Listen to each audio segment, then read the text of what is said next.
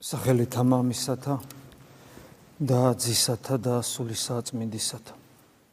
რა თქმა უნდა, ყველა რელიგიური სისტემა, რაც კი არსებობს, რაღაცნაირი ფორმით, მეტნაკლებად, სხვადასხვა ხარისხით საუბრობს გარდაცვალების შემდგომ ყოფიერებაზე. და რა თქმა უნდა, ასეთი იყო ძველი აღთქმაც, თუმცა ძველი აღთქმის მორწმუნეთა გარკვეული ნაწილი არ საუბრობდა გარდაცვალ გარდაცვალების შემდგომ ყოფიერებაზე, სადუკებლები ფიქრობდნენ, რომ აი რაც არის ცხოვრება და მორჩა, იმის იქით არაფერი არ არის და უცნაურია, ხო, აი ესეთი მორწმუნეები იყვნენ, რომლებსაც არ ღმერთის არსებობის კი ჯეროდათ, მაგრამ ადამიანის უკვდავების არა. ეს არ არის თლათ შორს ჩვენგან. არ არის თლათ შორს ჩვენგან, იმიტომ რომ ჩვენ ხშირ შემთხვევაში, როდესაც საქმე საქმეზე მიდგება, ხშირად ვამჟღავნებთ იმას, რომ ჩვენი რწმენა პრობლემურია სწორედ ჩვენი მარადიული სიცოცხლის თვალსაზრისით. ჩვენ ექსტრემალურ სიტუაციაში ჩვენ ერთმანეთს ხანდახან გამოსთას ვერ უძლებს. მე ისეთი შემთხვევებიც მქონია პირადად, როდესაც ადამიანს ეკლესიურად მაცხოვრებელ ადამიანს და მაზიარებელ ადამიანს სამწუხაროდ ქონია ესეთი განცდაც, რომ მარადული სიცოცხლის რომ თლად ვერ ჯერა რა, რაღაცა ესე რო ორჭოფობს. ეს ჩოლებრივი სადუკებლობაა. მაგრამ როგორი რწმენაც არ უნდა ქონოდათ? როგორი რწმენაც არ უნდა ქონოდათ მარადისობის თვალსაზრისით? ამ ქვეყნიური ყოფიერება და ამ ქვეყნიური არსებობა რა თქმა უნდა რელიგიური წესებით გარკვეულწილად ან შეზღუდულია ან მოცნებების მიერ თქვა რაღაცა მოწესრიგებულია რაღაც გარკვეულ კალაპოც მიყვება. მაგრამ პრინციპში მაინც არსებობდა ეს ეს პოზიცია, რომ აი თვალი თვალის წილ, კბილი კბილის წილ და ადამიანისათვის, ადამიანური საზოგადოებისათვის მეტნაკლებად ასატანი იყო ეს ყველაფერი, რასაც თქვა სხვადასხვა სარწმუნოება გვთავაზობდა. ქრისტიანობა ამ ხრივაც ძალიან უცნაური რამ უცნაურ რამეს გვთავაზობს, აქაც რაღაც განსხვავებულს და ამიტომაც არის ხოლმე რომ აი როცა თქვენ ან ახალმოსულები ახსარებაზე მოდიან, ჩვენ თხოვთ მას, რომ სახარების მიხედვით გაიაზრონ თავიანთი ცხოვრება. იმიტომ რომ ბუნებრივად სინდისის მიხედვით თუ გაიაზრებენ ადამიანები თავიანთ ცხოვრებას, სინდისი ხო მესის ინსტრუმენტია, რომელიც გარკვეული ღირებულების მიხედვით მუშაობს. აი როგორი ღირებულებათა სისტემაც მაქვს, სინდისი ისე მუშაობს. მე დარწმუნებული ვარ, მაგალითად, სადღაც ველურ ტომებში როცა მათი რელიგიური და სოფხედულობრივი ცხოვრების დოქტრინა რაღაც წესი რიტუალი თვალისწინებდა კანიბალიზმს ადამიანის ჭამას. ისინი ამას ყოველგვარი სიმბისის გარეშე აკეთებდნენ. ან ადამიანების მსხვერპლ შეწირვას თქვათ იქ მაიას და ცეკების ტომში რომ იყო. ხო არ აწუხებდათ ისე კლავდნენ ადამიანებს. ო რატომ? იმიტომ რომ მათი სინდისი მუშაობდა იმ პარადიგმაში, ანუ იმ სისტემაში, იმ აღირებულებათა, ფასეულობათა იერარქიის მიხედვით, რომელშიც ის ხალხი არსებობდა. ეს რას ნიშნავს? ეს ნიშნავს, რომ თუ ჩვენი ჩვენი ცნობიერება ესე იგი არის იმ ღირებულებათა და ფასეულობათა სისტემაზე აგებული, სადაც ქრისტეს ადგილი არ აქვს. შე როგორი ახსარებაც არ უნდა თქო, ეს ქრისტიანული ახსარება არ იქნება. ადამიანი იტყვის ეკლესიაში რო ვარ, აბა აბა რანერი იქნება ეს ჩემი ახსარება თუ არა ქრისტიანული. არ იქნება ქრისტიანული, იმიტომ რომ ეკლესიაში ყოფნა სულაც არ ნიშნავს, რომ შენი ახსარება ქრისტიანულია. ეკლესიაში ადამიანები რელიგიურ გზნობებს იკმაყოფილებენ. სხვადასხვანაირად, ზოგი სანთლის დანთებით, კენტი თუ ლუწი, ზოგი თქვათ მარხვის შენახვით, ზოგი პანაშვიდის გადახდით, როცა ხშირად სამწუხაროდ მოაქვთ პროდუქტები უფლის წინაშე, ხშირად უვარგისი, რომელიც შეიძლება გადასაყრელიც იყოს, ღვინო დაძმარებული. ეს სუფთა კაინის შესაძირავია. ეს ძალიან ხშირად ხდება. ეხლა ამის გამოცდილება ჩვენ სასულიერო პირებს გვაქვს, როცა პანაშვიდებს საჭმელი მოაქვს, არავინ არ გთხოვთ ამ საჭმელს. შეგიძლიათ ყოველგვარი საჭმლის გარეშე მოხვიდეთ და პანაშვიდს გადაიხდის სასულიერო პირი. მაგრამ თქვენ მოგაქვთ, ხო მე თქვენზე ავსაუბრობ ზოგადად. ადამიანებს მოაქვთ მოაქვთ კაინის მსხვერპლი, იმიტომ რომ ღვინო არის ძმარი და საჭმელი უარგისი, რომელიც არ იჭმება. ამის თანა მაგალითები ზოგჯერ ისეთი ფანტასტიკური მაგალითები ყოფილა, რომ სათქმელათაც კი უხრეხული ამბიონიდან, მაგრამ სამაგეროთ ადამიანი რელიგიურ ზნობებს იკმაყოფილებს. უამრავი რამ შეიძლება ჩამოითვალოს და ასევე ზიარებაც სწორედ ამ რანგში შეიძლება გაიყვანოს ადამიანმა რელიგიური ზნობების დასაკმა დასაკმაყოფილებლად აკეთებდეს ამას და არა არა ქრისტესთან ერთობისთვის. და ახსარებას როგორ იტყვის ესეთი ადამიანი?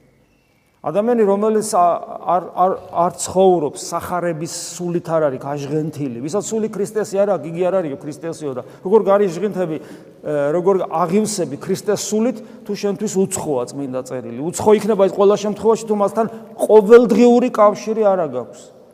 ამას არ ვამბობ რა მეტაფორულად, ფიგურალურად. მართლა პირდაპირ გაგებით, თუ ყოველ ყოველ წამს არ სუნთქავ, ყოველ წუთს არ სუნთქავ, შენ ესე მკვდარი ხარ. აი ზუსტად ესეა, თუ სახარება ყოველდღურად არ არის შენ ცხოვრებაში, შენ სულიერად კვდები. და რა ხსარება უნდა თქოს ესეთ ადამიანს? ხო და აი სახარებაში რო ვიყურებით, სახარება თავდაყირა აყენებს ჩვენს ცნობიერებას. თავდაყირა აყენებს.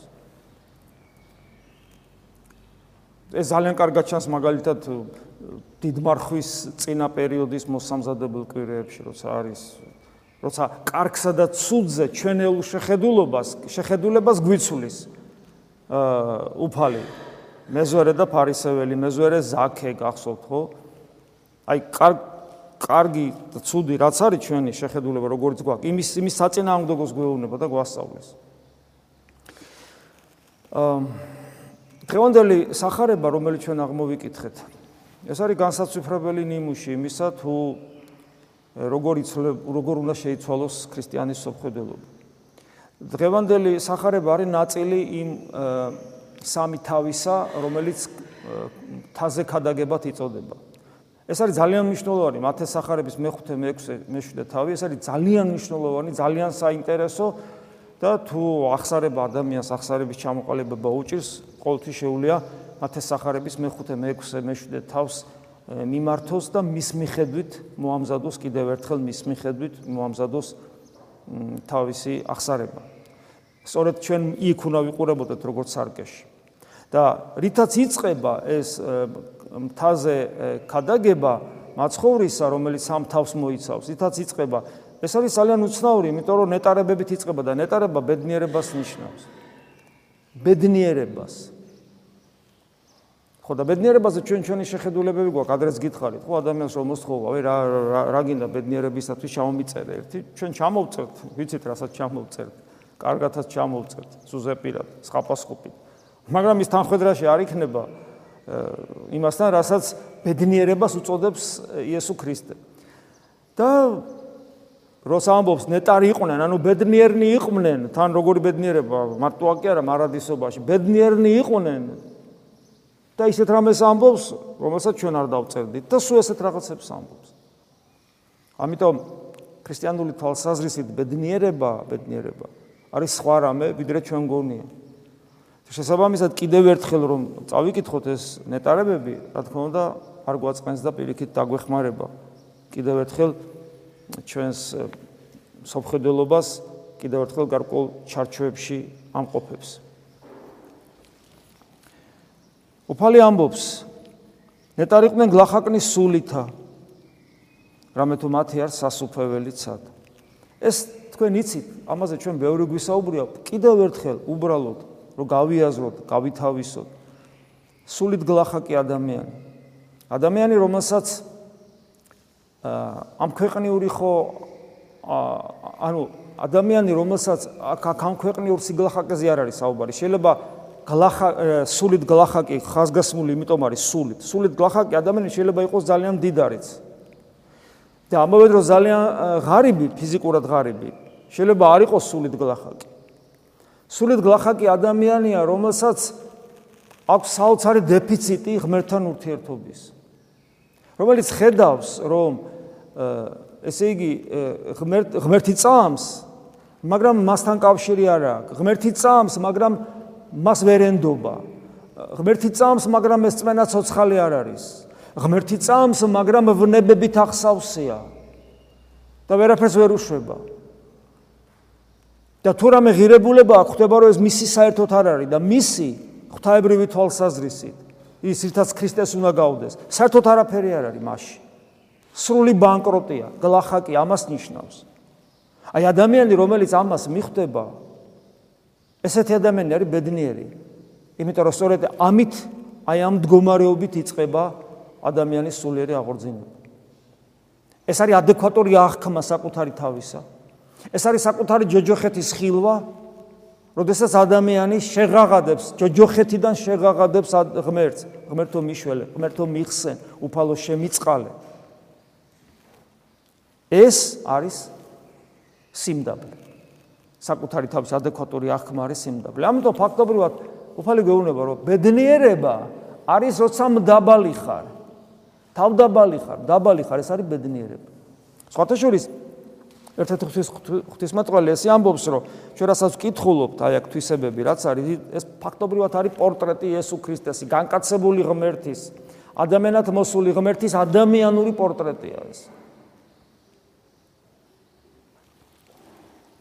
შემდეგი ნეტარება ეს არის ნეტარიყვენ გლოვარენი გულით, რამე თუ იგინი ნუგეშინის ცემული ქმნი. როგორ შეიძლება მდაბალი არ გლოვობდეს და რას უნდა გლოვობდეს? იმას რომ ვერ ერევა თავის ნებებს, ვერ ერევა თავის ცოდვებს.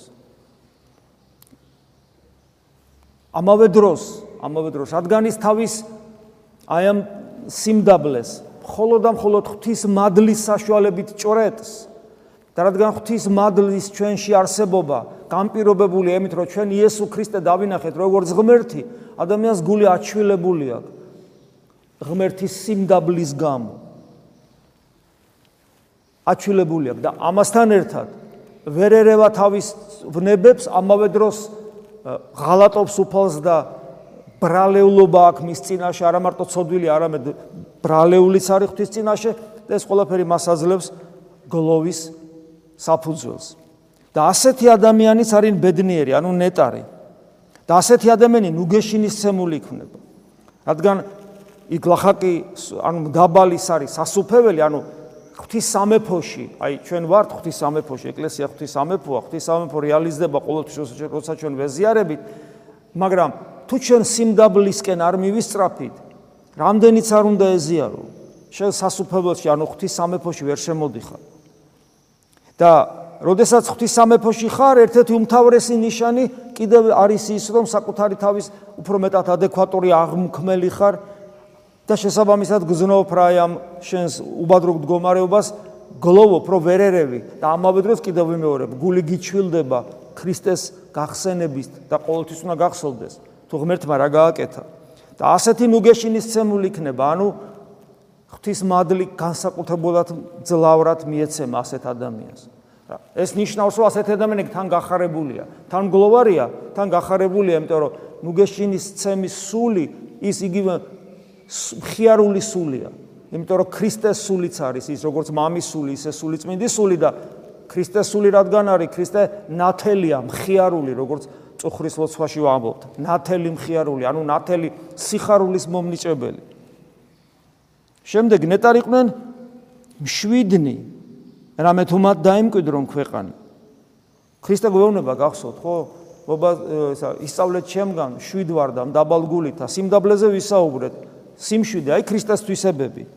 ნეტარიყვნენ მშვიდნი ეს სიმშვიდე არ არის ადამიანის ფსიქოსომატური მდგომარეობა, ხშირად გითხოვს. ეს არის ღვთის მადლის ჩვენში მყოფობა, რადგან სიმდაბლე თუ თუ სიმდაბლე გვაქვს და თუ საკუთარი ცოდვების გამო ვგლოვობთ.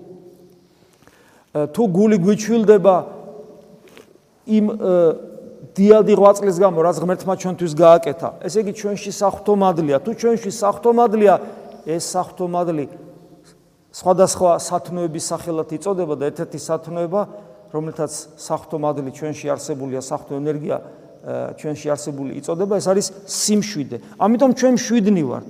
არა თავისთავად, არამედ ღმერთის მიერ. ასეთები დაიმკვიდრებენ ქვეყანას. ანუ ეს ნიშნავს იმას, რომ მარადიულ ქვეყანას ჯერ ერთი.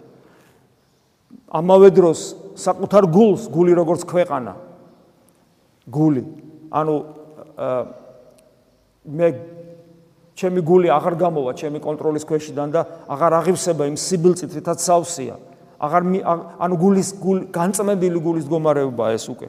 განწმენდისკენ წასული გულის მდგომარეობა და ამავე დროს ამ სოფელშიც ამ სოფელშიც იმის გამო რომ შვიდია თუ გასაკუთრებული დევნა არ არის ქრისტიანების, როგორც წესი ერთი ადამიანი უფრო ბედნიერია, ვიდრე ის ადამიანი, რომელიც შვიდი არ არის თავისთავად ცხადია.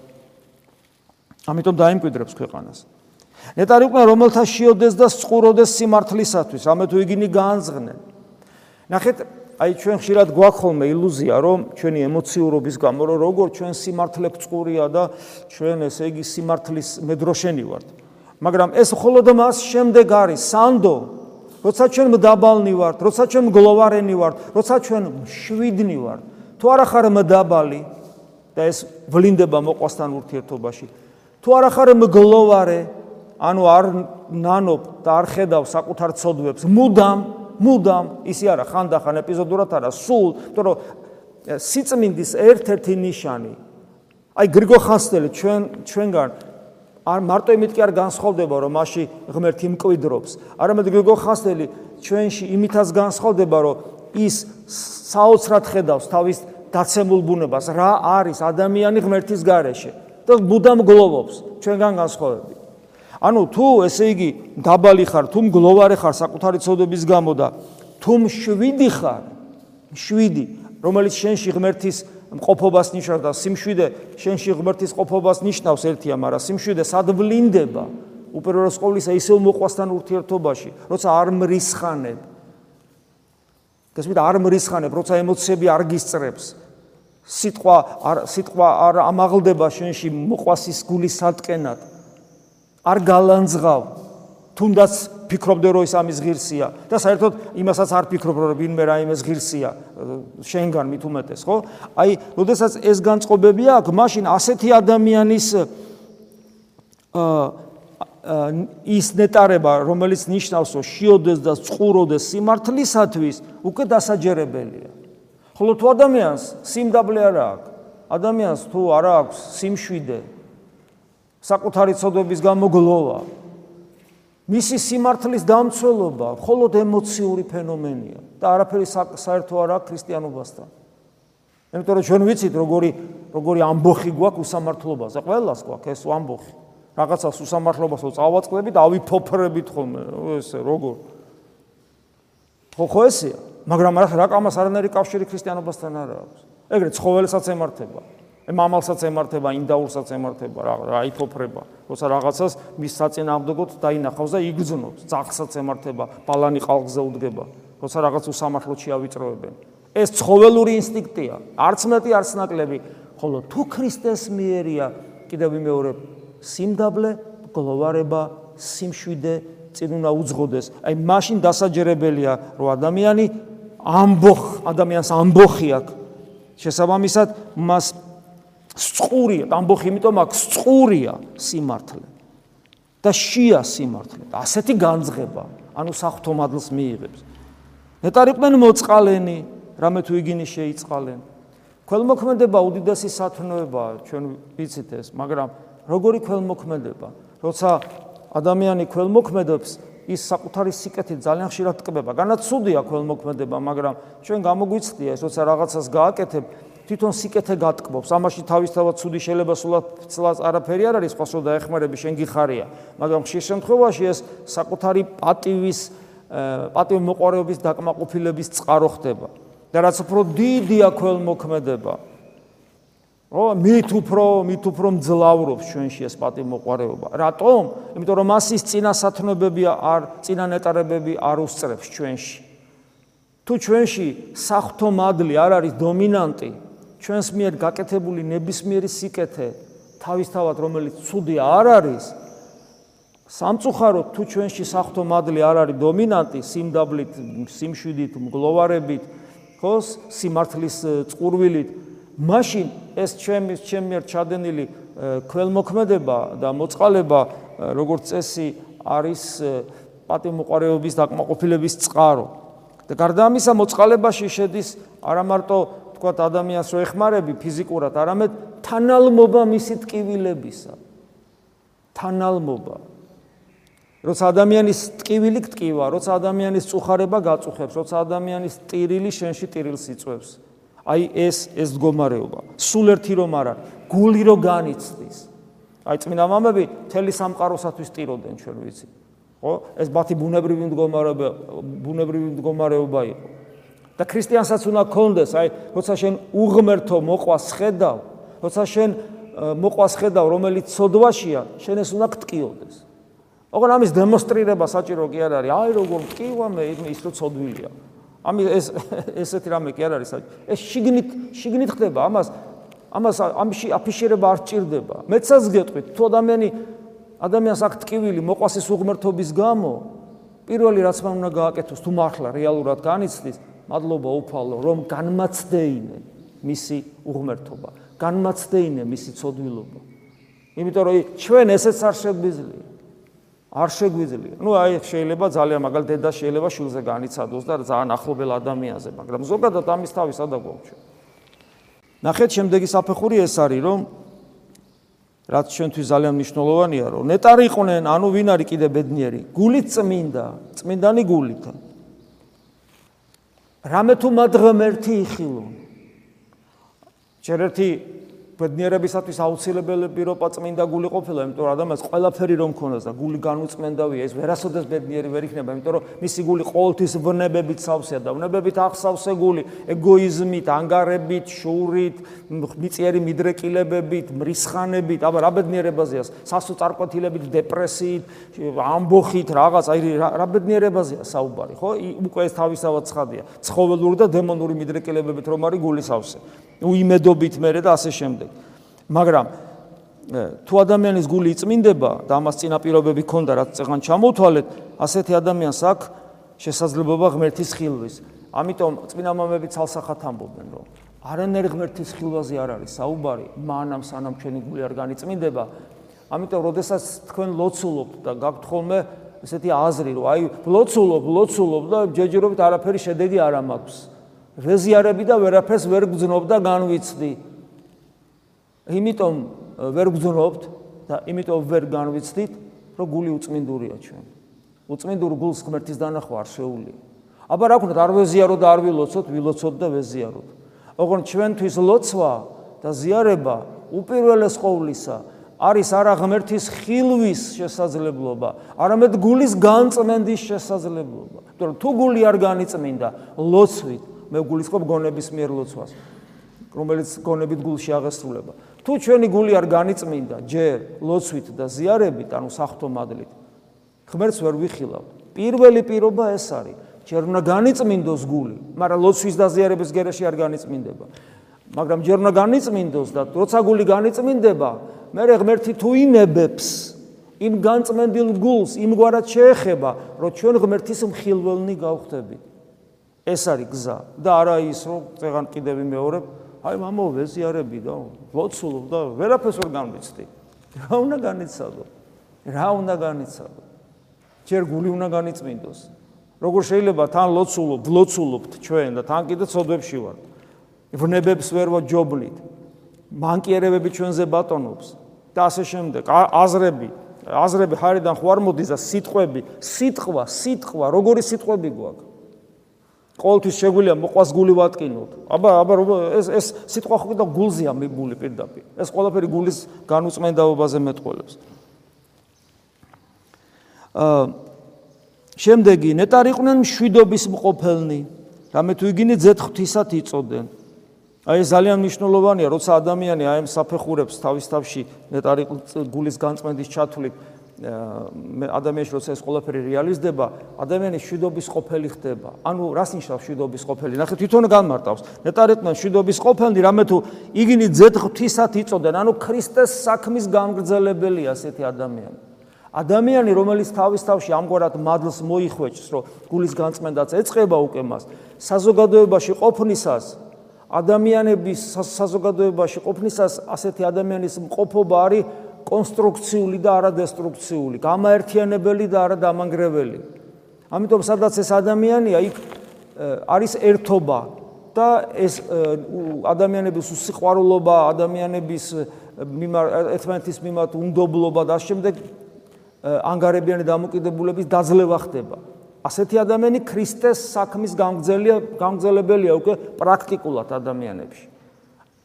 აი ესეც ძალიან მნიშვნელოვანია და რა თქმა უნდა ასეთი ადამიანი ბედნიერია, როცა ღვთისზე, ანუ ღვთის შვილი ხდება უკვე. განღთობ განღმრთობის პროცესი იწყება მასში უკვე. ნეტარიყვნენ და ხო და თუ უკვე ღვთის შვილია და უკვე ქრისტეს საქმის გამგზელებელი თუ არის უკვე ქრისტეს საქმის გამგზელებელი. აი მაშინ ნახეთ შემდეგი საფეხური ნეტარიყვნენ დევნული სიმართლისათვის, რამე თუ მათი არ სასუფეველი ცათა. ანუ ასეთი ადამიანი როგორც კი ღვთის ძეობის, ანუ ქრისტეს საქმის უშუალო გამგზელებლის სტატუსის მდგომარეობაში როადეს ქრისტეს მოწაფე რასაც ქვია აი იქ უკვე იქ უკვე ამ ქვეყნიური ამ ქვეყნიური სამართალი ამ ქვეყნიური ამასოფლისული ამბოხდება მის წინააღმდეგ და ამიტომ აი ესეთი ადამიანი უკვე სიმართლისათვის დევნულობის მდგომარეობაში მოდის და ეს ბუნებრივად ხდება ბუნებრივად ხდება ეს.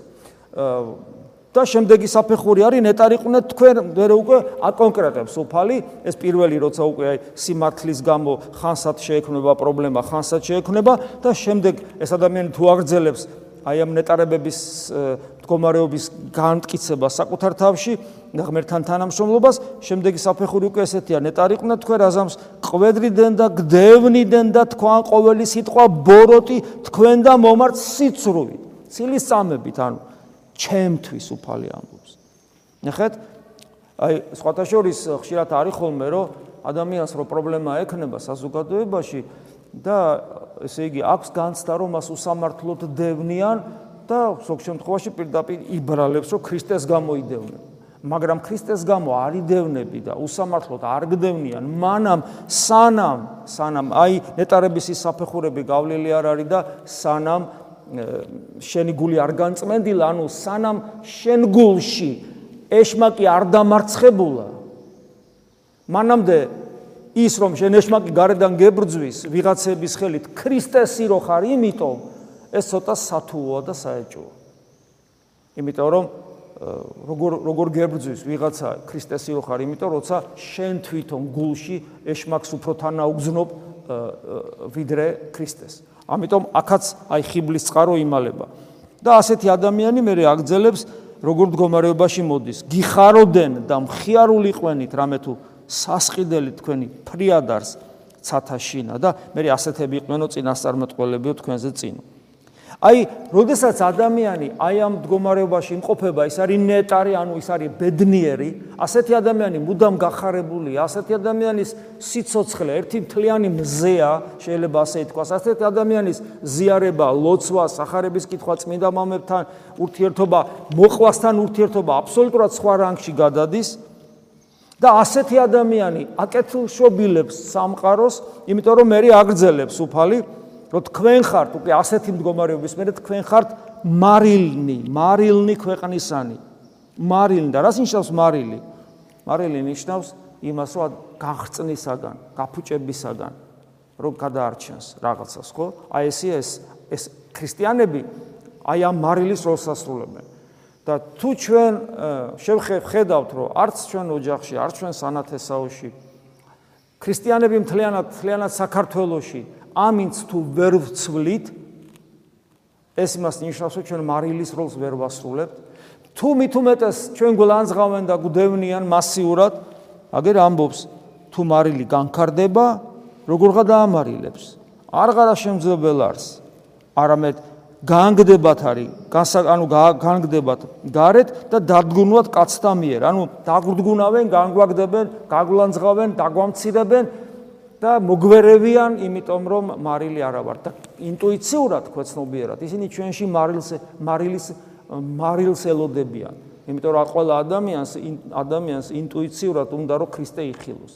და ქრისტეს ისინი ვერ ხედავენ, ჩვენში ინტუიციურად ეძებენ, მაგრამ ვერ ხედავენ. შესაბამისად, მათი რეაქცია ჩვენს მიმართ არის ძალიან ესეთი მწარე ხშირ შემთხვევაში. აი ეს არის კიდევ ერთხელ სახარებისეული შეგონება თუ რა უნდა გავაკეთოთ იმისათვის, რომ ჭეშმარიტად ქრისტიანები ვიყოთ და რა უნდა გავაკეთოთ იმისათვის, რომ გვინდა რა ბედნიერება ვიყოთ ბედნიერნი ამ სოფელშივე, რომელიც მარადისობაში გაგრძელდება. და კიდევ მეორე, ესაც ჩვენ წავიკითხეთ, ეს არის ქრისტეს განკაცებული ღმერთის პორტრეტი, ასე შეიძლება ვთქვათ, რომელიც ჩვენი მიბაძვის არათუ შესაძლებლობა ან ვთქვათ არაუბრალოდ მიბაძვის შესაძლებლობა კი არა, არამედ ჩვენი ვალდებულება მიბაძვისა. თუ ჩვენ ქრისტიანები ვართ, აი ასეთები უნდა ვიყოთ და ამგვარად ბედნიერები უნდა ვიყოთ, როგორც აქ იყო გადმოცემული 9 ნეტარებაში. შეგვეციოს უფალი. ამინ. მადლი უფლისა ჩვენისა იესო ქრისტესი და სიყვარული ღვთისა და მამისა და ზიარება სულისა წმინდისა იყოს თქვენ ყოველთა თანა. ამინ.